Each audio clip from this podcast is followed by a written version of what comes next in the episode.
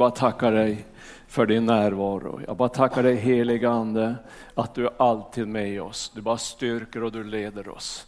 Fader, vi bara lägger det här mötet i dina händer och jag bara ber ske din vilja. Heliga Ande, bara ske din vilja. Vidrör människor idag Fader. Kanske trasiga, kanske sjuka Fader. Jag bara ber att vidrör människor idag. Jag ber av dig av hela mitt hjärta. I Jesu namn. Amen.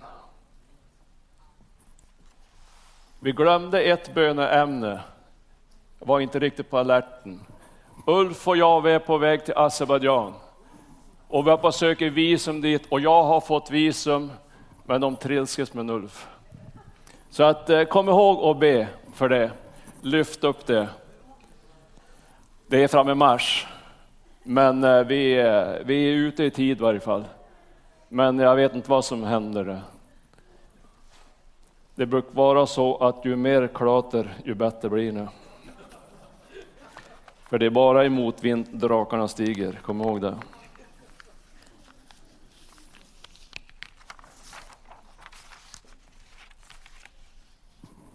Vet du en sak? Jag trodde i fredags, som var, fredag som var nu, fredag morgon, då trodde jag att Jesus var på väg tillbaks. Jag var på väg till jobbet och i öster så var det ett fenomen på skyn, det var alldeles rött.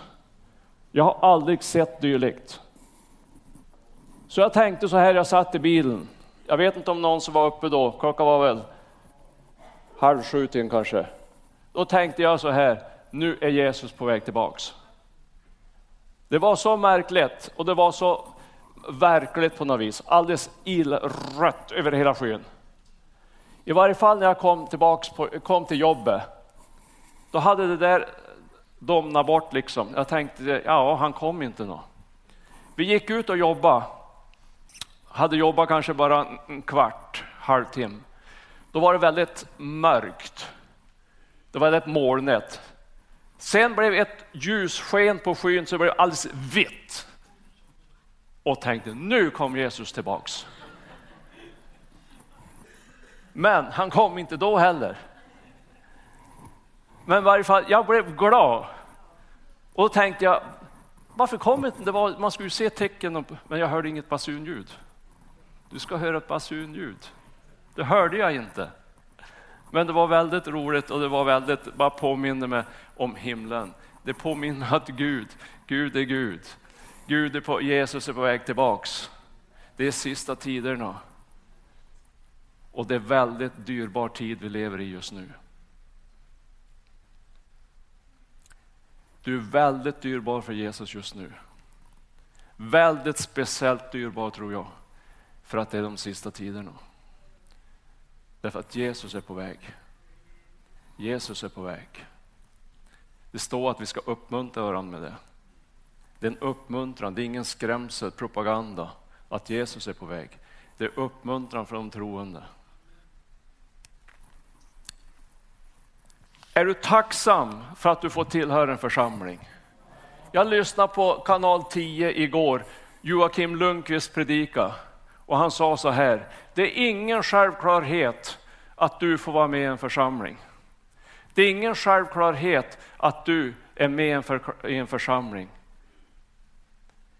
Det är ingen rättighet att få gå in i en församling, sa han. Vet du hur det är? Du föds in i en församling av nåd. Precis som ett litet barn. Det är inget barns rättighet att jag ska till den familjen, jag kan söka, jag kommer till den familjen. De föds in i en familj. På samma vis är det med du och jag. Vi föds in i en församling. Jag tyckte det var så bra. Därför ska du vara tacksam. Därför ska du tacka Gud varje dag att du får vara med i en levande församling. Det finns ett beskydd. Det finns en glädje. Det finns någonting att vara tacksam för. Att du har bröder och systrar. Du har syskon. Idag tänkte jag att vi ska tala lite grann om en Daniel i lejongropen. Det är en story som du säkert känner till väldigt väl. Och jag tror att du och jag, vi ska vara som en Daniel. För en Daniel, han var speciell. Han hade en höghet, han hade en excellent i sitt liv som ingen annan hade. Han levde till 100 procent för Gud. Han vek sig inte för någon annan människas åsikt. Han vek inte ner sig ens för kungen. Det var en höghet över Daniel, för han hade bestämt sig att jag ska följa Jesus. Jag tror faktiskt, jag vet inte men nästan jag tänkte på när jag undrar om den Daniel som har skrivit sången Jag har beslutat att följa Jesus. Det skulle passa väldigt bra på, på han, att han har skrivit den. Men jag tror inte att han har gjort det. Men jag tror han gick och gnolade på den sången ganska ofta. Jag har beslutat att följa Jesus.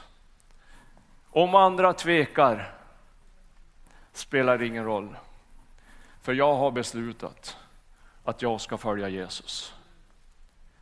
Och det gjorde Daniel. Och eh, du vet vad som hände med Daniel. Han fick utstå det ena och det andra. Men det som kännetecknar Daniel, det står i Daniel 6 och 3. Det står det så här. Men Daniel utmärkte sig framför de andra förstarna och satraperna, ty en ande utan like var i honom och kungen övervägde att sätta honom över hela riket. Han hade en ande i sitt liv som inte var lik någon annan. Han hade en höghet, en renhet på grund av att han hade beslutat, jag ska följa Jesus. Vet du att det lönar sig alltid att följa Jesus. Det lönar sig alltid att gå med Gud. Det gjorde det för Daniel. Ja, men du säger han kanske hamnade i lejongropen. Fast du går starkt med Gud ska du veta att det kan komma bekymmer ändå. Det kan komma motgångar ändå. Men Gud har alltid en plan för dig. Gud har alltid en väg för dig, även om bekymmer kommer. Det finns alltid en väg för Gud. Det fanns också för Daniel.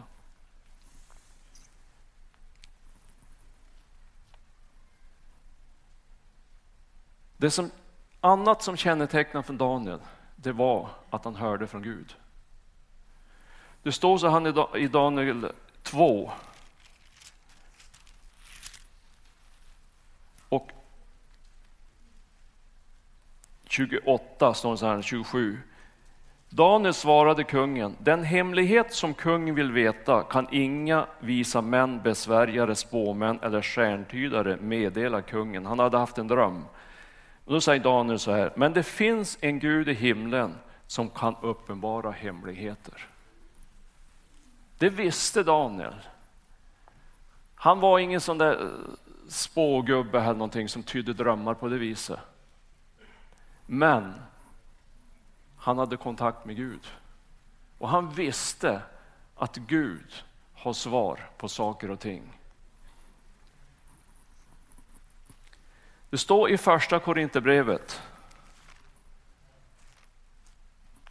Första Korinthierbrevet 31.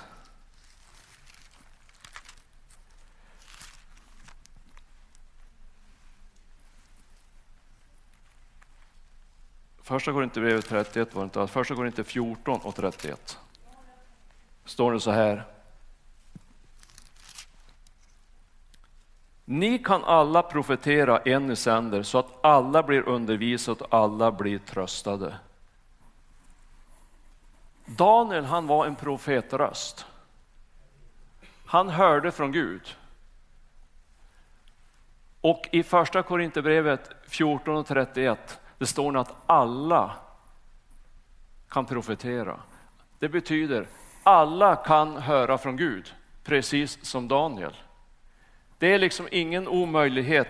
Det, var, det är liksom inte några speciella ena som kan göra det. Alla kan profetera, står det. Alla kan höra från Gud. Jag tror att det här året som ligger framför, jag tror att det är så nödvändigt att det året blir ett profetiskt år. Att vi alla kristna troende börjar höra ännu mer från Gud. Att vi lyssnar in Guds röst ännu mer. Att det blir en profetisk smörjelse över hela församlingen. Att det blir en profetisk smörjelse över var och en. Ja, men jag är ingen profet, jag kan inte profetera. Och men vad stod det? Alla kan höra från Gud. Alla kan få ett ord från Gud. Vi tror ju att Guds ord är sant. Står det så i Guds ord, då måste vi lita på det. Och jag tror det är absolut nödvändigt. För jag tror att det kommer en tid, en speciell tid framöver för församlingen. En tid då vi måste ta svåra beslut. Ja, men du säger vi har tagit svåra beslut. Jag bara hör bara det här ordet, det kommer mera. Det kommer fler svåra beslut. Ja, men vi orkar nästan inte mer. Det är så mycket nu. Men jag bara hör bara ordet, det kommer mera. Därför så tror jag det är så jätteviktigt att du och jag börjar lyssna in Guds röst ännu mer. Hur ska jag kan göra det, säger du? Det finns två saker du måste göra. Det är vara i Guds ord och det är prioritera tid. Det finns inga genvägar. Du vet hur en Daniel gjorde? Kungen sa, du får inte be, du ska tillbe mig. Vad gjorde Daniel? Han slog upp fönstret på vid gavel. Tre gånger om dagen så lade han sig på knä och bad till sin Gud i himlen. Han prioriterade tid. Var det konstigt att han kunde höra från Gud? Det var väl inget märkvärdigt egentligen. Han som hade sån kontakt med sin far i himlen. Han som prioriterade sån tid, låg på knä och ropade till Gud tre gånger om dagen. Öppnade fönstret, var inte blyg, var inte rädd. Kungen fick säga vad han ville.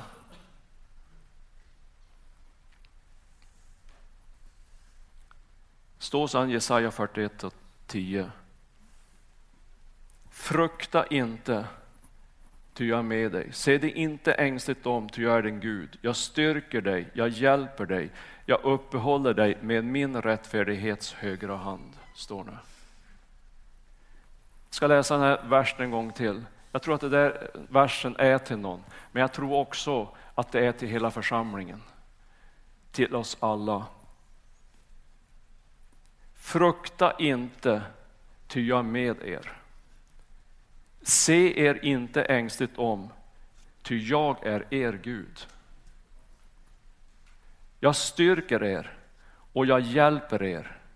Jag uppehåller er med min rättfärdighets högra hand. Jag tycker den här versen är helt fantastisk. Jesaja 41 och 10. Det är ett Guds löfte till dig och mig. Jag är med er. Frukta inte. Var inte rädd. Det kommer mera. Det kommer mera beslut. Det kommer flera beslut. Det kommer fler som måste, saker som måste ändras på. Det, finns, det är mer saker som vi måste styra upp. Det kommer mer bekymmer.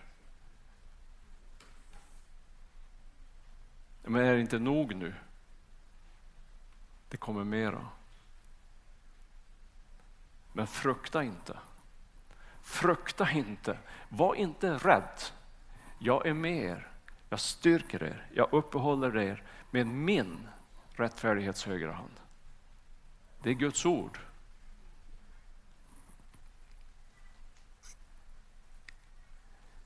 Vi ska gå tillbaks till Daniel igen.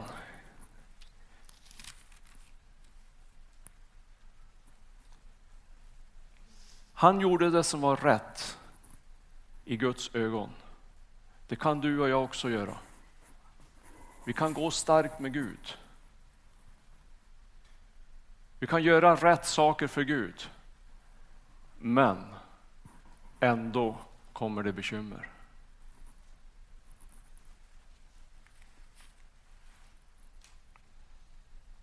Tänk på en Josef. Jag tänker ofta på han när han var nere i brunn. Han hade kommit till sina bröder med god vilja. Han hade inget ont uppsåt. Han skulle besöka sina bröder. Sina egna syskon tan och kasta i en brunn. Hur tror du Daniel kände det? Herren Josef kände sig i brunn. Jag tror det var en sak han var glad över. Och det var att det inte var vatten i brunn. Du får se hur mörkt som helst ut, men det finns någonting att prisa Gud för i varje fall. Tänk på det. Jag tror han prisar Gud. Tack gode Gud, det har inget vatten i brunn. Då har det varit jobbigt. Man måste simma runt, runt i en brunn. Men du vet slutändan med Josef. Vilken revansch han fick.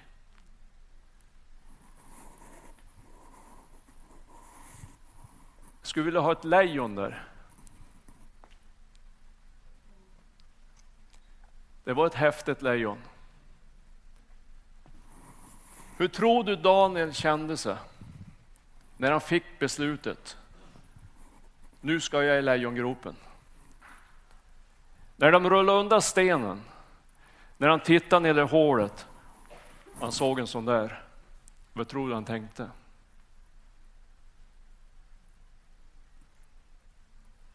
Jag tror du är här idag som känner ungefär som en Daniel kände sig när han tittade in i lejonet. Jag tror du är här idag och du känner så här. Det känns precis som ett lejon håller på att äta upp mig. Det känns precis som att det är någon som hoppas slita mig i stycken. Det känns, jag känner mig precis som att jag är jagad av någonting. Precis som Daniel kände när han såg lejonen.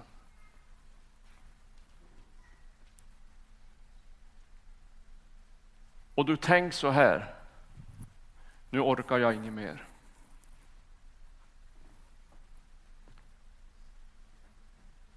Nu får de äta upp mig. Jag orkar inte stå emot något mer. Men vet du en sak? Gud gjorde ett mirakel för Daniel.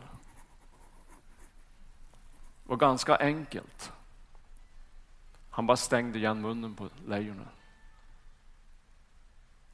Han bara nöp igen munnen på dem. Är tyst, gå och lägg er bara. Gud har en väg för dig. Det lejonet som du känner, det problemet som du känner håller på att äta upp det. Gud kan bara tysta till det. Var bara trogen Gud. Var bara trofast. Ge inte upp. Var frimodig. Slå upp fönstren på vid gavel. Ropa till Gud. Ska du få se. Lejonet kom till att lägga svansen mellan benen och bara krypa undan. För Gud är Gud. Gud kan inte gå emot sitt ord. Om han är för dig, vem kan då vara emot dig? Ingen står det. Ingen står det.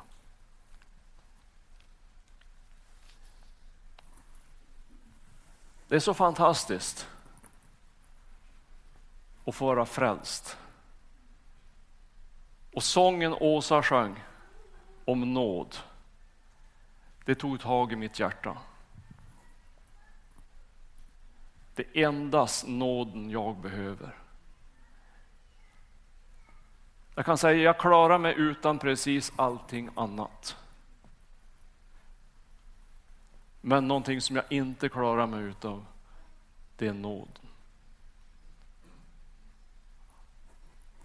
Om jag inte får tillgodogöra mig Guds nåd så är livet ingenting värt. Det är ingenting värt. Jag tror det är någon som behöver bara uppleva hur det känns att få ta del av Guds nåd idag. Det finns någon här. Jag vet inte om du har varit frälst länge eller om du inte alls är frälst. Men det är precis som att nåden har runnit ifrån dig på något vis. Du uppskattar inte Guds nåd lika mycket som du gjorde förut. Men vet att Guds nåd, det är skillnad mellan liv och död. Guds nåd, det är skillnad mellan himmel och helvete. Guds nåd, det är Guds kärlek till dig. Inte på grund av att du är så duktig, utan på grund av vad han gjorde på korset för att du ska få ett evigt liv. Det är det Guds nåd handlar om. Så egentligen så skulle vi bara prisa Gud hela möta över Guds nåd. Att vi får vara frälst. Det är Guds nåd. Att det inte är ute med oss.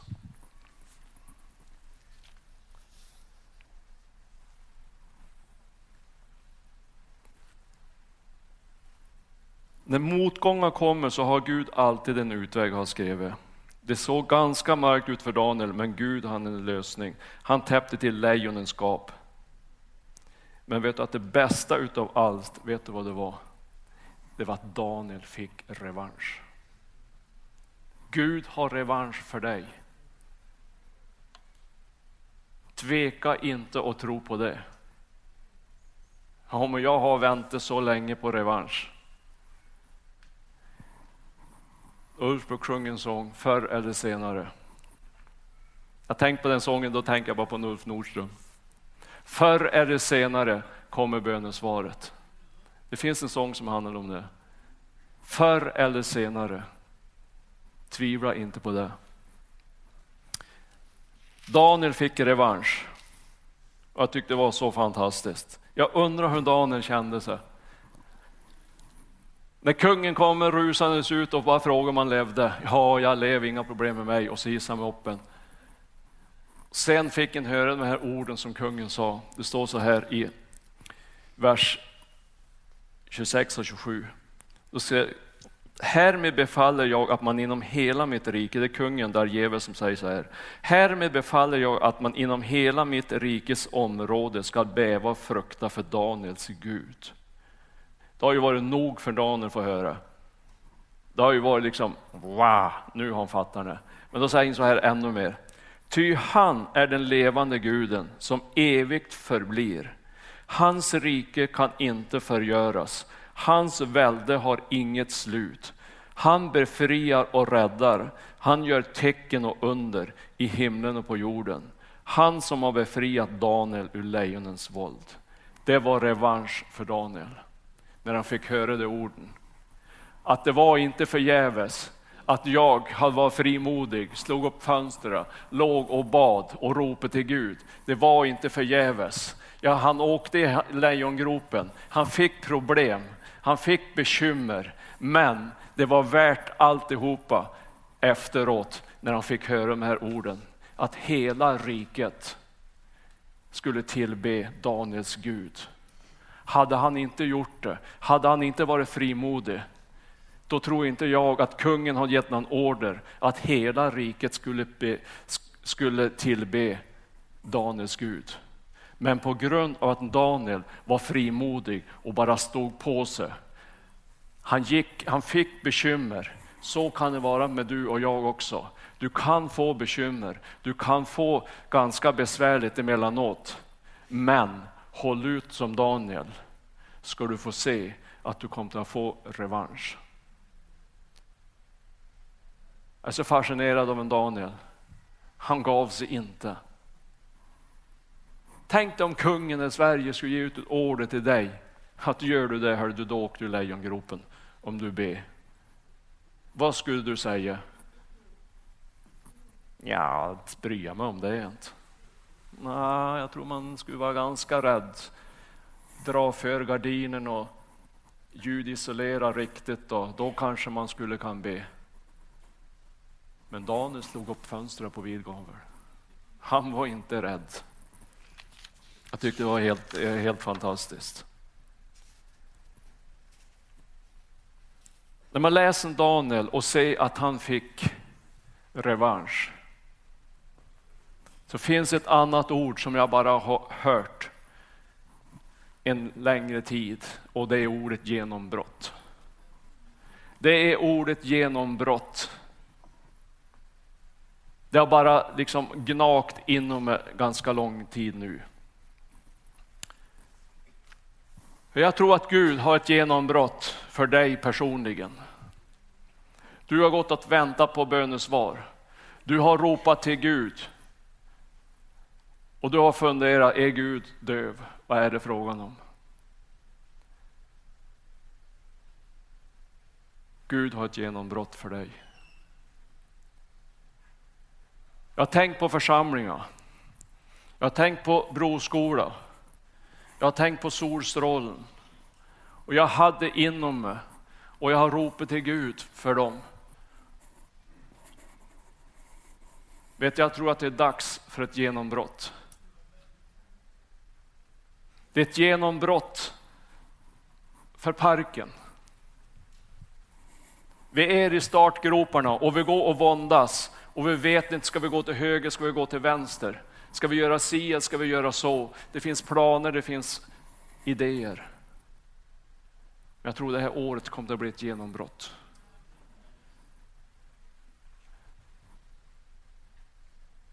Vet att det är sådd ut så mycket. Det kommer en dag då det blir skörd. Så du ingenting, då kan du inte förvänta dig skörd. Men om du så, då kan du förvänta dig en skörd.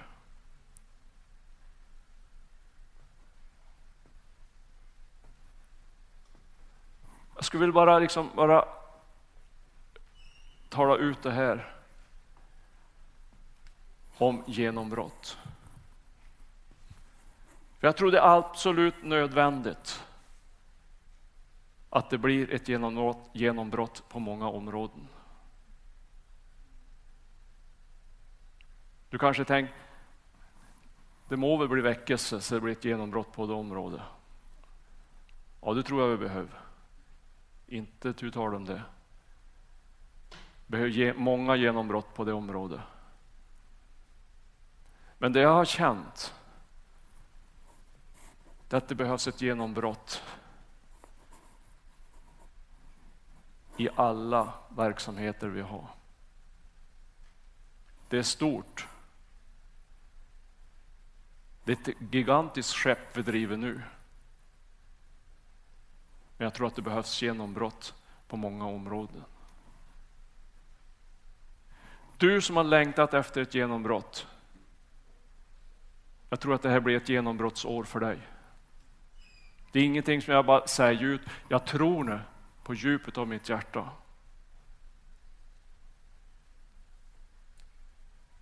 Jag har bett till Gud om under och tecken och mirakler ska bli normalt. Gud, det ska vara normalt att människor blir helade och upprättade på torget i stan. Det ska inte vara ovanligt. Gud, starta ett rykte. Ett rykte kan vara gott, ett rykte kan vara dåligt. Men Gud startar ett gott rykte att det är människor som blir frisk. Du vet hur det var med Jesus. Ryktet gick. Han var på ena sidan av sjön och ryktet gick på andra sidan sjön. Han tog båten över, han hann inte över för det var varit massa folk som hade kommit dit. Det var fler som ville bli frisk. Varför det? Det hade gått ett rykte att Jesus gör under och tecken. Jag tror det behövs ett genombrott på det området. Att människor ser att Jesus lever, han är inte död. Det är en verklighet. Det är människor som blir frälst över hela vår jord varje minut. Det har aldrig varit så många kristna som just nu på jorden. Det är människor som blir helade mirakulöst över hela vår jord just nu. Det behövs ett genombrott. I Egypten, det är våldsam väckelse i Egypten. Folk blir helade som löpande band. Det är mirakler och under och tecken. Vi har ju samma Gud. Det behövs ett genombrott.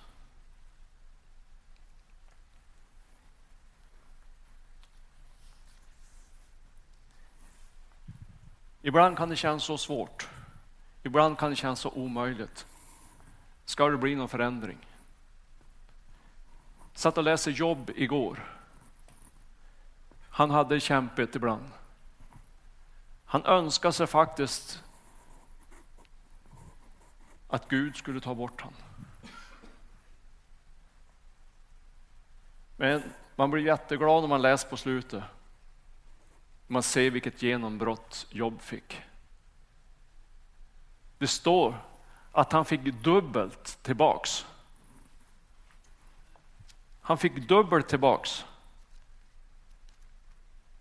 Det är ju ganska häftigt. Han fick liksom inte bara tillbaks det han tyckte ha förlorat. Han fick dubbelt tillbaks. Innan den jobbiga tiden, då hade han 7000 får. Men vet du, på slutet välsignade Gud honom. Han hade 14 000 får. Han hade 3 000 kameler. Men innan det var slut så hade han 6 000 kameler. Han hade tusen par oxar på slutet, han hade 500 innan. Och han hade 500 åsninnor. Men han hade tusen. Helt otroligt. Han fick dubbelt igen.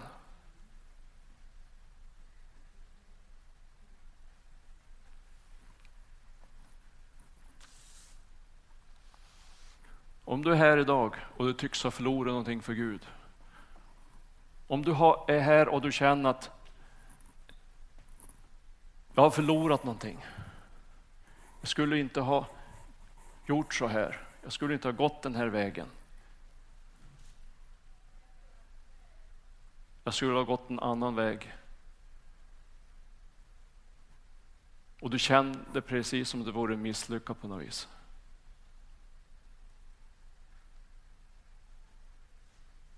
Gud har revansch för dig. Jona. Han gjorde ett stort misstag. När Gud kallade honom till Nineve. Men han sa så här, jag vill inte. Jag hoppar på en annan båt. Jag åkte till Thailand och solade istället.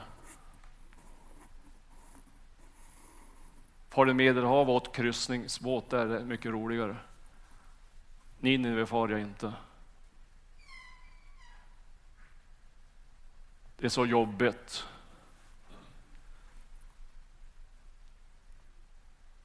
Men vet du, Jona fick en andra chans.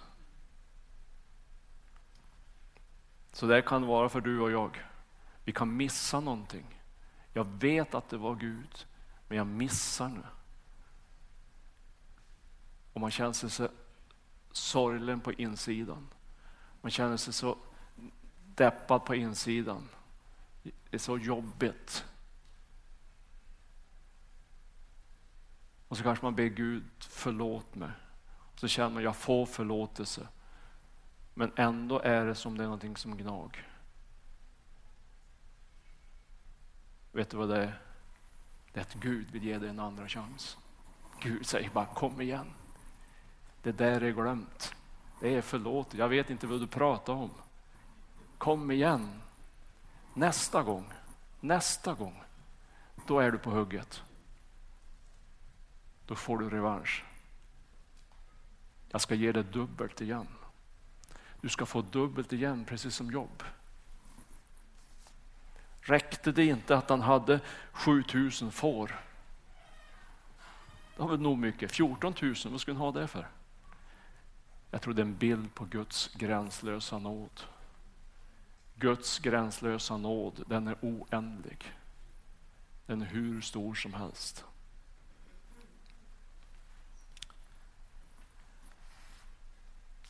Vi ska läsa ett bibelställe till innan jag slutar. Och det är från Markus.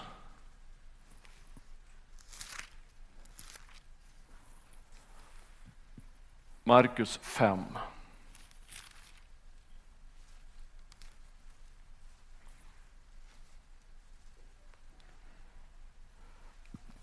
Markus 5 och 21.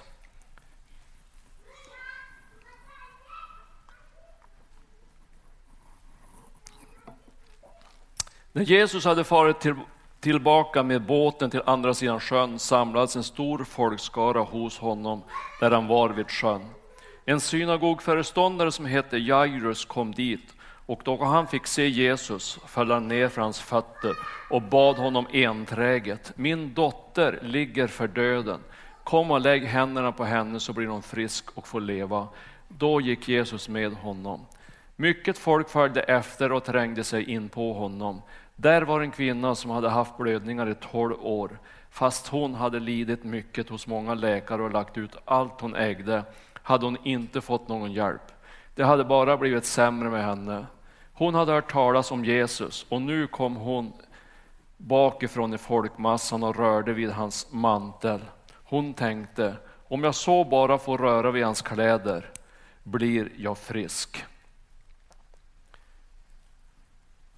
På en gång upphörde hennes blödningar och hon kände i kroppen att hon var botad från sin plåga. När Jesus märkte att det hade gått ut kraft från honom vände han sig om i folkskaran och frågade, vem rörde vid mina kläder? Hans lärjungar sade till honom, du ser hur folket tränger sig in på dig och du frågar, vem rörde vid mig? Han fortsatte se sig omkring efter kvinnan som hade gjort detta. Hon visste vad som hade skett med henne och kom förskräckt och darrande och föll ner för honom och talade om hela sanningen för honom.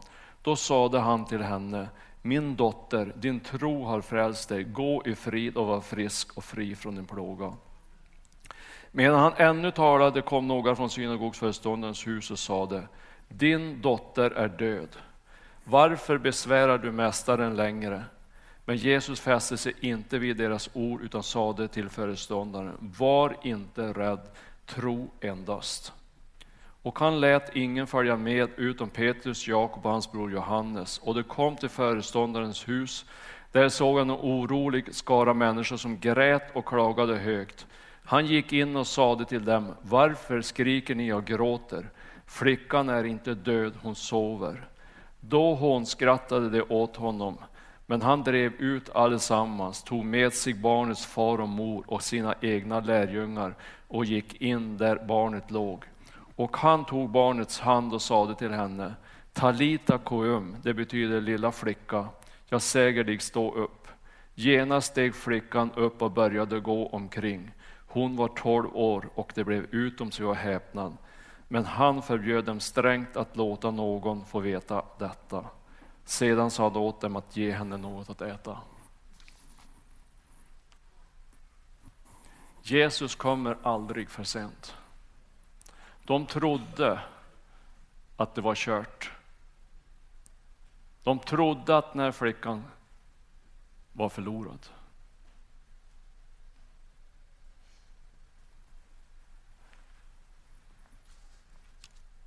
Jag tror att du är här idag som behöver göra som den här kvinnan. Vidröra Jesus. Ibland tänker vi så här. Jesus vidrör mig. Gud, du måste vidröra mig.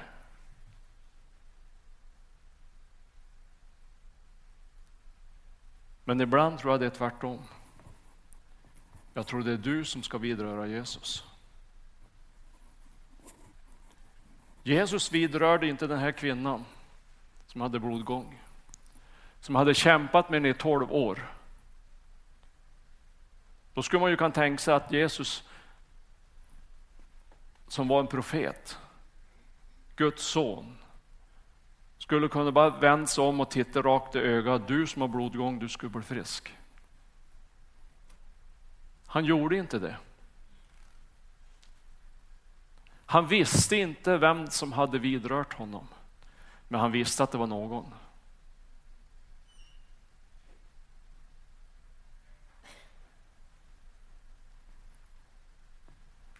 Jag tror ibland så tror jag det är som så att det är du och jag som bör vidröra Jesus. Vi kan ta i lilla tofsen.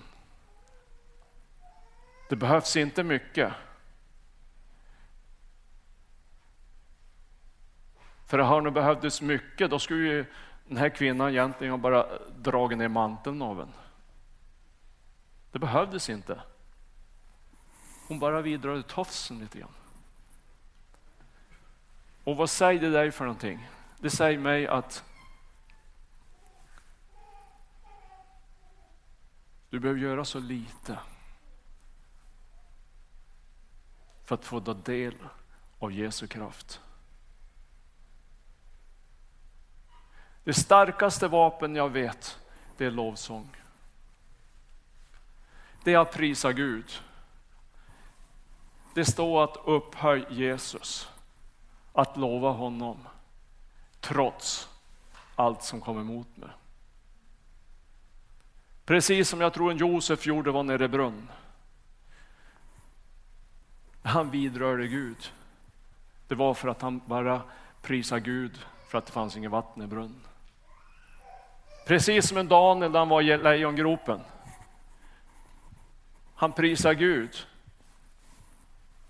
för att Gud hade tejpat igen mun på lejonen. Jag tror det vidrör Guds hjärta.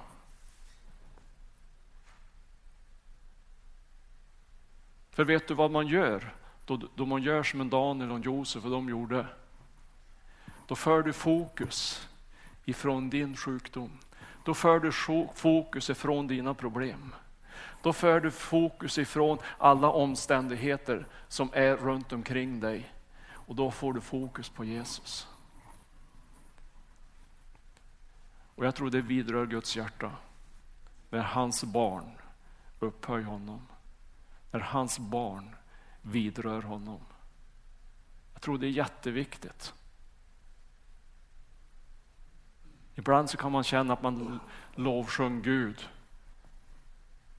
för att det är så fin en lovsång. Och så leder lovsången, har så fin röst. Att Åsa de sjöng, det är så kraftfullt. Det låter så bra. Men det är inte därför vi lovsjunger Gud. Vi vill, vi vill vidröra Guds hjärta.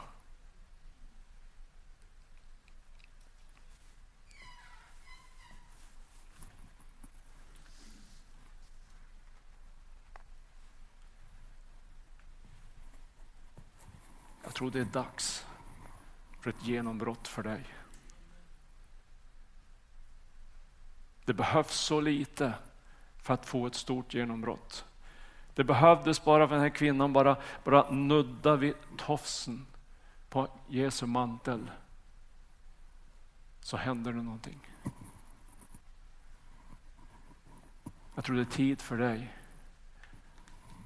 att vidröra Jesu mantel. krypa ner vid hans fötter. Ta tag i tofsen. Ska du få se att Gud är densamme. Gud har inte förändrats. Gud har ett mirakel för dig. Gud har en upprättelse för dig. För kunde Gud rädda Daniel i lejongropen? För det står att sen de drog upp Daniel så kastade kungen dit de som hade, hade lurat kungen till att få Daniel i lejongropen. De kastade dem ner i lejongropen. De hann inte nå botten för deras ben var krossade.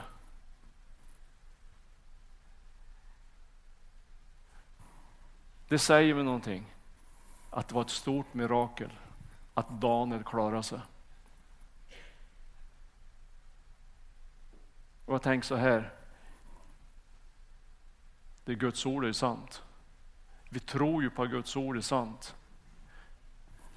Kunde Gud rädda Daniel ur lejonen så kan Gud rädda dig ifrån den situation du är just nu. Tvivla aldrig på det.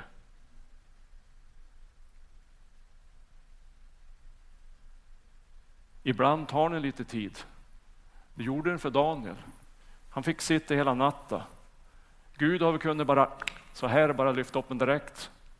Men han fick sitta bland lejonen en hel natt. Det var inte säkert det var så kul. De gick och slickade sig om mun och de gick liksom och morre på. Och inte var det så roligt för Daniel. Har du tänkt på det? Han tänkte väl säkert, undrar vad de tänker kalasera på imorgon bitti för någonting. Ikväll kanske de är lite mätt, men imorgon bitti då jag vaknar jag undrar om de tar en fot. Eller, var börjar de någonstans? Tar de en hand först? Eller, inte var det så roligt att vara en dag när lejongropen är. Det kan vara så där. Det kan vara liksom lite ångest, det kan vara lite jobbigt. Men Gud är på din sida. Tvivla aldrig på det. Tvivla aldrig på det.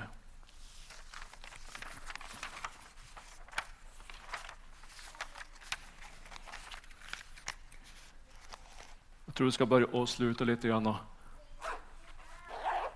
Vi ska ha förbön idag också. Och är det så att du inte är frälst så är det din dag idag. Om inte du har fått erfara vad Guds nåd är för någonting så finns det möjlighet att få uppleva det idag.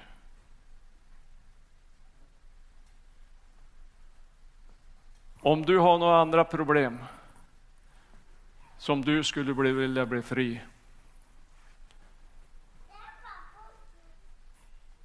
så är Daniels Gud här. Hans Gud som räddade honom ifrån lejonen, han är här. Jag är helt förvissad. Om du behöver upprättelse på något område så kan Gud ge dig dubbelt igen. Precis som han gav jobb. Dubbelt igen. Det kallar jag för en rejäl revansch. Det var liksom inte bara nettoöppet. Det var överflöd. Gud vill bara ösa sin välsignelse över dig. Du är mer dyrbar för Gud än vad du tror själv. Han vill använda dig ännu mer än vad du tror. Det blev så klart för mig när jag bara såg den på skyn. Jesus kom tillbaks. Jesus är på väg. Vi måste stå tillsammans, vi måste bärga skörden. Det finns en stor skörd i Övik. Det finns en stor skörd runt omkring oss. Det finns hur många bönebarn som helst. Det finns barn, det finns barnbarn, det finns bönebarn. Vi måste bara ropa till Gud om ett genombrott. Vi måste börja dra in näten. Vi kan inte bara kasta ut fiskematen hur mycket som helst. Vi måste bara dra in den också. Peter ska göra några pålysning och så ska han få be eh, herre, läsa Herrens välsignelse över oss. Sen ska vi ha ett eftermöte. Ska vi ha förbön. Och eh, kom fram så ska vi stå tillsammans. Ska vi be för varandra. Ska vara upplyft varandra. Ska lägga händerna på varandra. Det är vad Guds ord säger. Om du vill gå fika då efter mötet, börja känna ingen fördömelse, gör det bara. Det, finns, det är frihet. Men har du ett behov, så kom fram. Räkna med att Daniels Gud är här. Förvänta dig att Gud kan göra ett mirakel för dig.